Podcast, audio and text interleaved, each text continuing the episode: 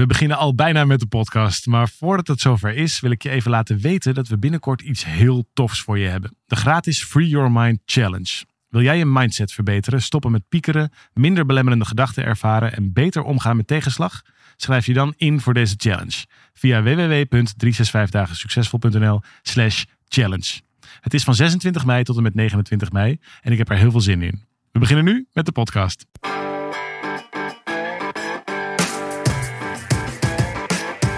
Van harte welkom bij deze podcast van 365 dagen succesvol. Wij zijn David en Arjan en we delen in deze podcast de eye-openers die cruciaal zijn voor een gelukkiger leven. Van harte welkom bij deze podcast. David zit tegenover mij, ik ben Arjan en vanuit 365 gaan wij het weer met je hebben over de dingen die het leven leuker maken en interessanter. Fijn dat je er weer bent ook. Ja. Leuk, goed dat je, ja, je had even plek gemaakt, Emanuela is langs geweest. Ja joh, ik dacht eh, eens even goed. kijken wat er gebeurt als jij dat in je eentje doet en Ook met je liefje. En Ja. dat is allemaal, volgens mij zijn dat ehm goede podcasts geworden. Goed gedaan Daaf. Een van die podcasts was de best belu- beluisterde podcast tot nu toe. Dus we hebben weer een, een nieuwe Oké, nou dan ga ik weer. score to beat. Ja, daar. het eh, leek me leuk om het met elkaar te hebben over wat misschien wel de belangrijkste eigenschap is. Of de belangrijkste vaardigheid die je zou kunnen leren. Zo gauw je je gaat bezighouden met persoonlijke ontwikkeling. Want dat is natuurlijk wat we doen. We zijn een eh, organisatie die zich inzet voor persoonlijke groei. Het liefste samen met elkaar, omdat we geloven dat je, als je je met anderen verbindt, dat daarin ook de, de meeste ruimte ontstaat om op een hele fijne manier ook zelf bij te leren en af te rekenen met dingen in je verleden of nieuwe potentie bij jezelf te ontdekken. En daar helpen we je natuurlijk mee met al onze programma's en met de dingen die we maken voor je. En steeds helderder wordt voor ons ook duidelijk dat er één vaardigheid is die je gewoon niet van nature leert. En die je, nou ja, misschien zelfs wel afleert op bepaalde manieren. Waardoor het ook moeilijker wordt om jezelf te ontwikkelen. Het helpt natuurlijk als je, eh, en dat, dat doe je automatisch hoor, als je aan persoonlijke ontwikkeling doet, maar dat je even naar jezelf durft te kijken. Er zijn natuurlijk heel veel ja, situaties die je uitnodigen om niet, vooral niet te veel na te denken en maar gewoon mee te doen. Niet nadenken, meedoen, niet nadenken, meedoen. En Ja. Het is al voor je bepaald, dit examen werd er op school gewoon van je gevraagd. En dan werd er van je geacht dat je dat en dat uit je hoofd kende. En, of dat je dat en dat door had. En dan, dan werden daar vragen over gesteld enzovoort. Dus er lag al best wel veel weg die jij had te bewandelen. Je leert eigenlijk niet zozeer van nature om je eigen weg te maken. Of in ieder geval even stil te staan bij wat voor weg zou ik eigenlijk zelf kiezen. Ja, het zit ook in onze taal, toch? Als je kijkt naar dingen als eh, oogkleppen op of eh, bord voor je kop. Het is best wel veel gaat het over beperking van zicht. Als je dan realiseert dat je ogen natuurlijk door de plek die ze in, hun lijf, in je lijf hebben standaard naar buiten kijken. eh, is het ook helemaal niet zo gek dat het niet van nature misschien wel in je zit. Om ook heel erg te kijken naar wat gebeurt er nou eigenlijk in mijzelf. Hoe, hoe ga ik om met al deze eh, omstandigheid? Hoe ga ik, eh, wat voor oude emoties triggert het in me? Of wat is mijn overlevingsreflex hierop? Of wat is mijn natuurlijke neiging om te doen? Of er gebeurt zoveel interessants van binnen. Dat het, eh, dat toch waren die oude Grieken toch? Die hadden zo'n het orakel van Delphi. Ja. Zo'n, tempel, als mensen het allemaal niet meer wisten in hun, in hun leven, dan, dan gingen ze naar het orakel en dan gingen ze daar antwoorden vragen. En die wisten dan het antwoord op de grote, grote levensvragen. En op de ingang van die tempel stond dan. Ken uzelf. Exact, stond precies die, die term. Ken, ken u zelf. En, maar ook veronderstellend dat daar dus in essentie alle antwoorden zitten. En dan wordt het wel interessant. En, maar even één stapje terug. We hebben het over kijken. Dus je, je ogen zitten aan de binnenkant en die kijken naar buiten. Ja. Je kunt niet naar binnen kijken vanuit diezelfde redenatie. Dus je hebt eigenlijk iets anders te doen. En daar wordt het ook een stuk spannender van. Namelijk, wat, wat, als je naar binnen toe gaat, wat doe je dan? Dan ga je eigenlijk voelen. Ja. Of dan ga je waarnemen. Of dan ga je misschien nog als soort luisteren. Ik weet niet of dat echt kan. Maar luisteren naar wat andere gedachten. Luisteren naar zinnen in je hoofd. Luisteren naar aanwezig zijn bij bepaalde emoties. Bij bepaalde bewegingen in je lichaam. Zoiets dergelijks. Het is veel meer een observatief iets dan kijken. Ja. Dus als je ook letterlijk naar binnen zou kijken, dan is het betrekkelijk donker. Ik, ik las een keer een grapje van iemand die, wat was dat nou? Die zei van ja, de, waarom zou ik per se mezelf tegen moeten komen? Want dan, kom ik er, dan doe ik dat zometeen en dan kom ik erachter dat ik mezelf eigenlijk helemaal niet mag. Dat wil ik dan toch niet? En dat was toen een soort van flauwigheidje. Maar ik denk eigenlijk dat daar best wel meer waarheid in zit dan dat toen misschien de bedoeling was. Omdat voor, volgens mij is een van de redenen waarom het ook ingewikkeld is, of waarom het eh, niet vanzelf gaat om dat gevoel van binnen te onderzoeken, is omdat je ook een beetje bang kunt zijn voor wat je tegenkomt. Nou, ze zeggen toch ook mensen die aan persoonlijke ontwikkeling doen, bijvoorbeeld naar dit soort podcasts luisteren. Ja, we hebben het over jou, luisteraar. Ja, nee, maar ja, die mag je gerust aangesproken voelen. Dat dat wat positievere mensen zijn. Oh ja? Ja, omdat je namelijk een bepaalde mate van optimisme nodig hebt om naar jezelf te kunnen kijken. Precies op het punt wat je zojuist maakt. Ja. Namelijk als je al niet zo'n heel positieve basishouding of eigenlijk optimistische basishouding hebt, dan ga je er eigenlijk al vanuit dat je ook wel allerlei lelijkheid zal vinden als je dan Ja. naar binnen toe zou gaan. Nou, dat is een hele goede reden om dan ook vooral niet te veel naar binnen te kijken. Over het algemeen valt het wel mee. Nou ja, dat kan ook weer. Kijk, want wat je dus eigenlijk tegenkomt is niet alleen dan zogenaamd lelijkheid, of voor zover dat bestaat. Maar wat je vooral tegenkomt is het feit dat je zo'n oordeel hebt over wat je tegenkomt. Want je maakt het natuurlijk zelf lelijk. En daarmee kun je ook zeggen dat dat oordeel, als je dat maar de hele tijd over jezelf eh, aan het hebben bent, zeg maar, het soort van tegenovergestelde van mildheid, of eh, misschien zelfs wel het tegenovergestelde van liefde, zou je kunnen zeggen. Dat er dan, ja, is ook geen uitnodiging. Nee, en dan is, heb je dus de beste troefkaart om vooral niet naar binnen te gaan.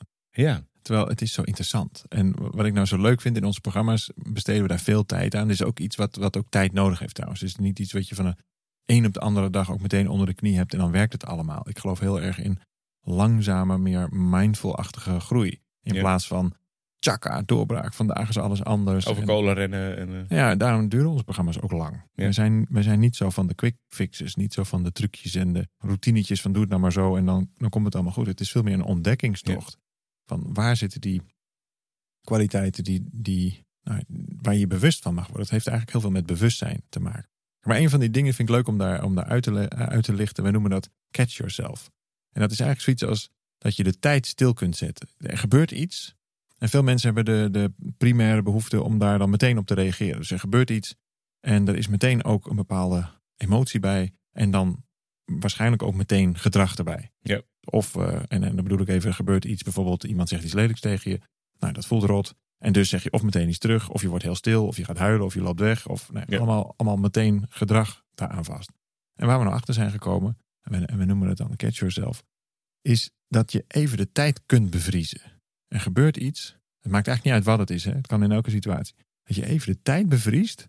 Om vervolgens even na te gaan bij jezelf. hey, wat denk ik hier nou eigenlijk allemaal bij? Welke gedachten zijn er eigenlijk nu aan het oppoppen? Welke knoppen worden er bij mij ingedrukt? En welke gedachten heb ik er dan gelijk bij? Dus iemand zegt iets lelijks. En in plaats van direct te reageren, neem ik even een, een, een kort freeze moment. I catch myself. Wat gebeurt hier nu? Ja. Als een soort Frans Bromet die de die, die, die, die, documentaire oude, oude, maker. oude documentaire maker. Het eerste wat hij altijd deed was dan de deur openen. Die had dan gewoon de camera op zijn schouder. En hij had helemaal verder geen script, geen plan, niks. En dan liep hij bij mensen naar binnen. Een beetje man bij het hondachtig, maar dan net even iets beter. Avant la lettre, ja. Precies. En dan kwam hij binnen en dan vroeg hij: En wat is hier aan de hand? En dat is precies wat je ook doet met Catch Yourself.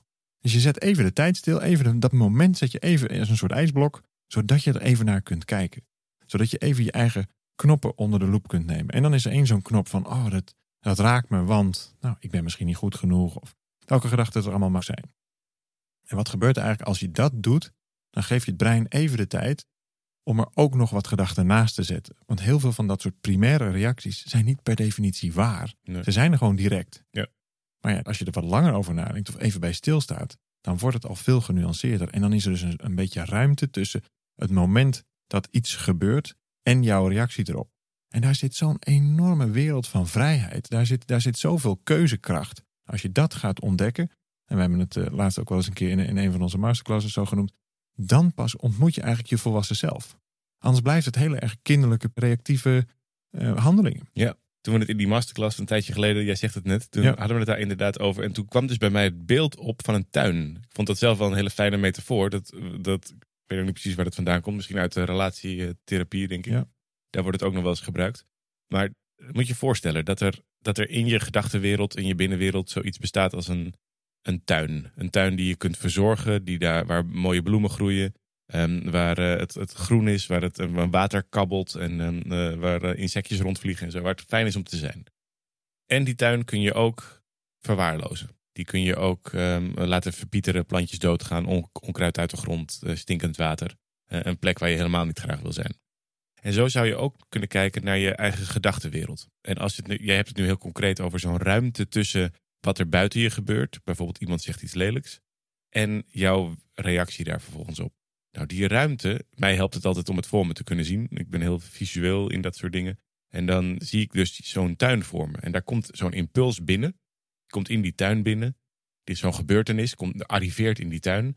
En wat komt hij daar dan tegen? En komt hij daar dan heel veel eh, verwaarlozing, lelijkheid, uh, af, afkeer, afgunst, uh, boosheid, verdriet, oude pijn? Komt hij dat daar tegen? Of komt hij daar vertrouwen tegen, liefde, nieuwsgierigheid, verwondering, eerlijkheid? En dat bepaalt namelijk vervolgens wat dan ook, als je dan weer uit die tuin komt en het is daadwerkelijk gedrag geworden, wat je dan vervolgens ook doet. Want dat neem je mee in dat, in dat stuk. En als je dat gaat zien, dan is het best heel interessant om, om jezelf eens af te vragen: hoe ligt mijn tuintje erbij? Is het, daar, is het daar een plek dat als daar iets van buitenaf binnenkomt, waar het dan in een bed komt van we gaan dit met elkaar regelen, we zijn er nou toch, we fixen dit, het wordt goed, of ik geloof jou, of ik vertrouw het, of het kan een keer gebeuren, of wat dan. Of komt het in een tuin waarvan meteen wordt gedacht: hier is gevaar, uh, ik, er wordt mij iets aangedaan, ik moet me verdedigen, ik moet terugvechten, en ik word gekwetst, uh, ik moet wegrennen, nou, noem maar op. En het helpt ontzettend, en daar gaat dat hele catch yourself over, dat je bij jezelf gaat voelen wat voor voeding je ook aan je eigen binnentuin aan het geven bent. En daarom heeft het tijd nodig. Dit is niet een, een besef en in één keer is het eureka en alles is anders. Nee. Het is een manier van, van eigenlijk een houding van uh, nou ja, hoe je in het leven staat, om het vervolgens te trainen. Want reken maar dat het, dit is een heel mooi verhaal. En iedereen, kan ik me goed voorstellen, als je naar luistert, denk je, nou, dan ga ik eens proberen, dan ga ik zo eens toepassen. En dat lukt dan ook best wel aardig op de makkelijke onderwerpen. Ja. Maar daar ging het nou even net niet over. Nee.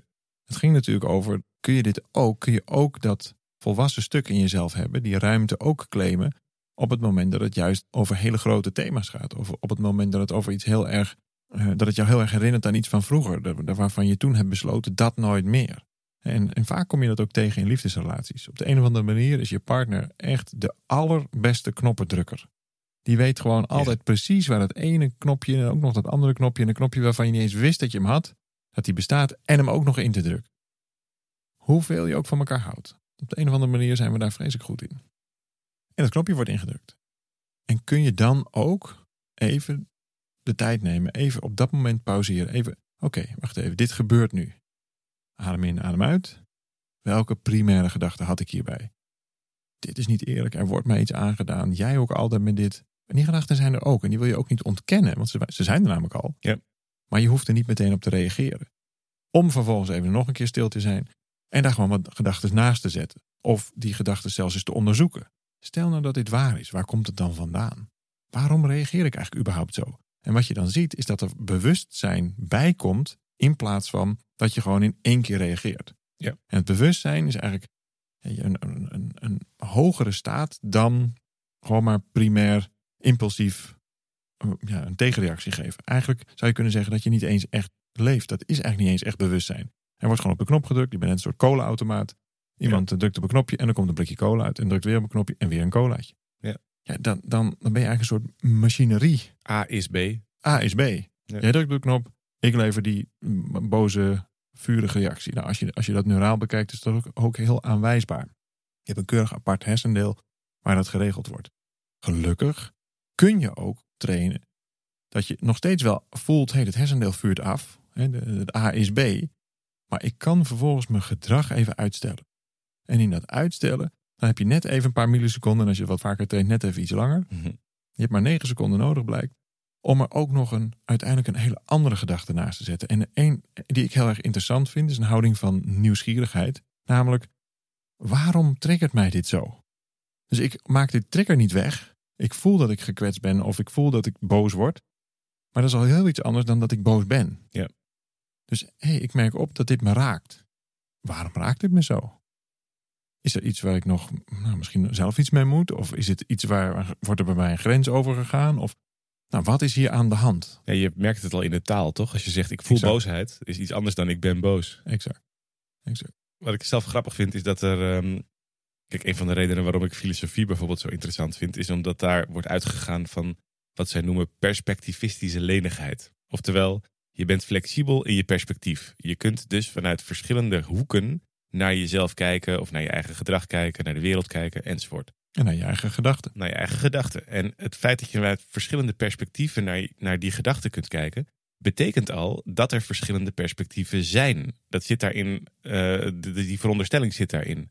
En dan laat je dus automatisch A is B los. Want A kan ook C zijn, kan ook D zijn, kan ook E zijn. En zo kun je het hele alfabet langs. Nou, sterker nog, het is niet B of C of D of E. Ook dat zijn allemaal weer gedachten. En als je die dan weer onderzoekt, kom, kom je erachter dat er ook nog wel een F en een E. En uiteindelijk kom je er dus achter dat er dus geen van alle lineair waar zijn. Klopt. Er is nooit één gedachte 100% helemaal waar. Als je dat maar lang genoeg onderzoekt, dan kom je veel meer nuances tegen. En daar word je dus zelf heel genuanceerd van. Ja. En dat is het grote voordeel van thought catching. Op het moment dat je, hey, je, hebt, het, je hebt het door. Oké, ik ben hier getriggerd. Even pauze, even freeze. Wat is hier aan de hand? En gelijk doe je dus aan bewustzijnsverruiming. Je hebt ineens die lenigheid, is een mooi woord. Want oké, dit voel ik nu, maar is er ook nog een andere waarheid? Of, of ik ga dat onderzoeken, dan is er automatisch al een andere optie. Ja. Nou, dan ga je dat nog wat meer, nog meer wat nog. En dan word je dus een heel erg ja, geïntegreerd en heel, een heel erg um, uitgebalanceerd persoon van. Dan hoef je dus niet meer elke keer op alles heel primair te reageren. En ik zou zeggen, dat is echt waar de volwassene zich onderscheidt van het kind. En het zegt niets over leeftijd. Nee, nee want ik vind het zo leuk dat dan eigenlijk die, die oude filosofie met die perspectivistische lenigheid en dat ken u zelf en zo, die raken daarin ook weer de moderne wetenschap. Want die, die thought catching, dat is echt een term uit de cognitieve gedragspsychologie. Dat is helemaal nog niet zo heel oud natuurlijk. Het gaat al door een aantal golven heen. De standaard gedachte daarachter is dat je er beter naar jezelf kunt kijken als iemand die structureel in onderzoek is. Ik vind dat zelf ook een heel mooie. Ja, als de nieuwsgierigheid wint van je primaire reacties, van je, van je al je aannames, ja. dan, dan ben je eigenlijk volwassen. Ja, het leven is een onderzoek. En dan vooral een onderzoek. Nee, weet je nog dat we in ons eerste boek hebben we toen zo'n parabel opgenomen van die goden eh, hoe ging dat ook weer? De goden die wilden het grote raadsel. Waar gingen ze dan het grote de raadsel? Sleutel de sleutel naar, alle antwoorden. Precies, De sleutel naar alle antwoorden wilden ze op een plek verstoppen waar mensen hem niet zouden kunnen vinden. Toen hadden ze bedacht in de diepste grot of ergens diep onder water of op een andere planeet. En keer op keer zeiden de andere goden: nee, als je daar het antwoord op alle vragen zal verstoppen, dan weten mensen het wel te vinden. En uiteindelijk bedachten ze met elkaar dat er maar één plek was waar ze die sleutel tot alle antwoorden dan maar het beste konden verstoppen. En dat was in de mensen zelf. Want dat was de laatste plek waar ze zouden kijken. Mooi. Ja, toch? Nou ja, die, dat, dat, eigenlijk is het zo een, een, een rond verhaal. Van kijk eens of je een oefening kunt maken van het zelfonderzoek. En daar een gewoonte van kunt maken. Want in dat thought catching, catch yourself, daar zit uiteindelijk ook de rijkdom naar veel meer lichtheid. Omdat je ontdekt dat niet alles wat je gelooft ook waar is. Daarmee ontstaat er een heel palet aan mogelijke reacties. En daarmee ontdek je ook vanzelf dat niet elke prikkel van buiten even hard hoeft binnen te komen. Dat is geen toneelstukje, dat is niet onecht, maar je hebt gewoon geleerd om je eigen primaire reflexen erop wat minder serieus te nemen, omdat je weet dat ze niet per definitie waar zijn en ook niet per definitie helpend. En daarmee, uh, nou ja, rijkdom. En op het moment dat je dit een beetje onder de knie begint te krijgen, ga je ook wel iets meer verwachten van andere mensen. het, is, het is heel prettig. Ik, het was wel grappig. E, e, een van de reacties op die masterclass waar je net aan refereerde, die was uh, onder, de, uh, onder zo'n op een Facebook postje van, van jullie zijn al zo lang samen. We werken 16 jaar samen, daar hadden we het over. Ja. En toen vroeg iemand van, ja, maar vertel nou eens over jullie relatie. Is dat dan niet altijd heel ingewikkeld? Of uh, door welke fase zijn jullie dan heen geweest? En, en ik moest even een beetje om grinniken. Want dat is gewoon één één hele stabiele fase. Dat is gewoon altijd zo, zoals het nu ook is. En, en volgens mij zijn we wat grijzer geworden en we zijn wat ouder geworden. En, een stuk knapper. En, en, dat weet ik niet, dat laat ik aan een paar anderen over. Maar, maar het is wel, maar dat is heel interessant. En ik denk dat dit de belangrijkste reden is. Namelijk op het moment dat je zelf over de dingen na kunt denken, wat gebeurt hier nou? Krijg je een veel meer een genuanceerd uh, zelfbeeld, maar ook een heel genuanceerde verwachting van anderen. Want zelfs als iemand uit de bocht zou vliegen, wat bij ons nog nooit zo is gebeurd, maar stel dat dat zo is, nou dan vlieg je toch even uit de bocht. En dan, dan is dat zo. Ja. Dat is dan, dan is dat jouw klus. Nou, dan ga maar even uit de bocht. Dat prima. En dan weet je ook van de ander, oh, die kan dat ook. Dus je, op het moment dat je dit soort dingen, uh, dat je hiermee in aanraking komt, dat, je dat, dat het je grijpt, dan is het ook bijna besmettelijk. En ik denk dat het een heel positief virus is. Verbinding wordt dus makkelijker als exact. je jezelf beter kent. Dus exact. dat is eigenlijk wel een mooie, mooie side effect. Dat, dat het lijkt heel erg te gaan over jezelf en zelfreflectie. En dat je daarmee alleen maar meer bevestigt dat je een individu bent die het in zijn eentje moet doen. Maar het grappige is dat eigenlijk het tegenovergestelde waar is. Dat juist doordat je ook je eigen gedachtenkronkels leert kennen, je eigen valkuilen, je zwarte gebieden, de dingen waar je liever niet ingaat of de dingen waar je juist heel uh, blij mee bent. In al die primaire reacties ga je per definitie uit verbinding. Dus je duwt het van je weg omdat je het eigenlijk zelf niet aan wil. Ja. En op het moment dat je daar een zelfbewustzijn tegenover zet, dus oh wacht even, een veel genuanceerde zelfbeeld daarin ten tonele brengt, daarmee blijf je dus in verbinding en is het dus ook veel leuker samen. En ik ga nog wel 16 jaar met je verder als het uh, wat mij betreft. Op in deze ieder, manier. In ieder geval vind ik het leuk dat nu met 365 dichtbij, dat uh, programma wat we afgelopen jaar hebben ontwikkeld, dat dat echt precies hierover gaat. Hè? Hoe kom je nou dichter bij jezelf en daardoor dichter bij elkaar? En dat is uh, mooi om te zien dat daar zo ontzettend veel mensen nu al aan meedoen en zoveel profijt van hebben. en dat we daar de tijd voor nemen. Kijk, het is, het is niet iets van, van vandaag op morgen en de hele wereld is anders. Want als dat, als dat zo zijn, dan moeten we dat gaan doen trouwens. Maar dat hebben wij in ieder geval niet uitgevonden. Nee. En, maar wel een heel leuk proces om dat te gaan ontdekken. Om dat ook langzaam en liefdevol in je leven in te brengen. Waardoor er dus ook tijd is dat je omgeving daar ook kennis van kan nemen. Het is, het is heel positief besmettelijk. En dat is Ja. ontzettend leuk proces. Dat kun je ook weer aan anderen leren. Je leert ook allerlei dingen die je dan ook weer gaat overdragen. Mijn, mijn kinderen kunnen dit inmiddels. Die Ja. zijn, die zijn vij- vijf en zeven. Ja. Thanks voor je interesse. Fijn dat je luistert. En ehm, hopelijk heb je iets gevoeld van nieuwsgierigheid naar... jeetje, wat zou er gebeuren als ik eh, mezelf ga betrappen... mezelf bij de lurven ga grijpen... eh, even pauze neem in, eh, in zo'n primair respons. En wat gebeurt er dan met mezelf en wat kom ik daar tegen? Je bent van harte uitgenodigd om dat te onderzoeken. Wij zijn er gewoon volgende week weer. Als je enthousiast bent over deze podcast, deel hem dan vooral. Of zorg dat je eh, je aansluit bij een van die plekken waar je dat kunt volgen. De lidwoord-app op Apple of eh, Spotify of eh, waar dan ook. En dan zijn wij volgende week weer voor je. Ja, en kijk een keer op eh, www.365dichtbij.nl. Als je dat nog nooit hebt gezien, doe jezelf een lol. En vind die website een keer. Tot gauw.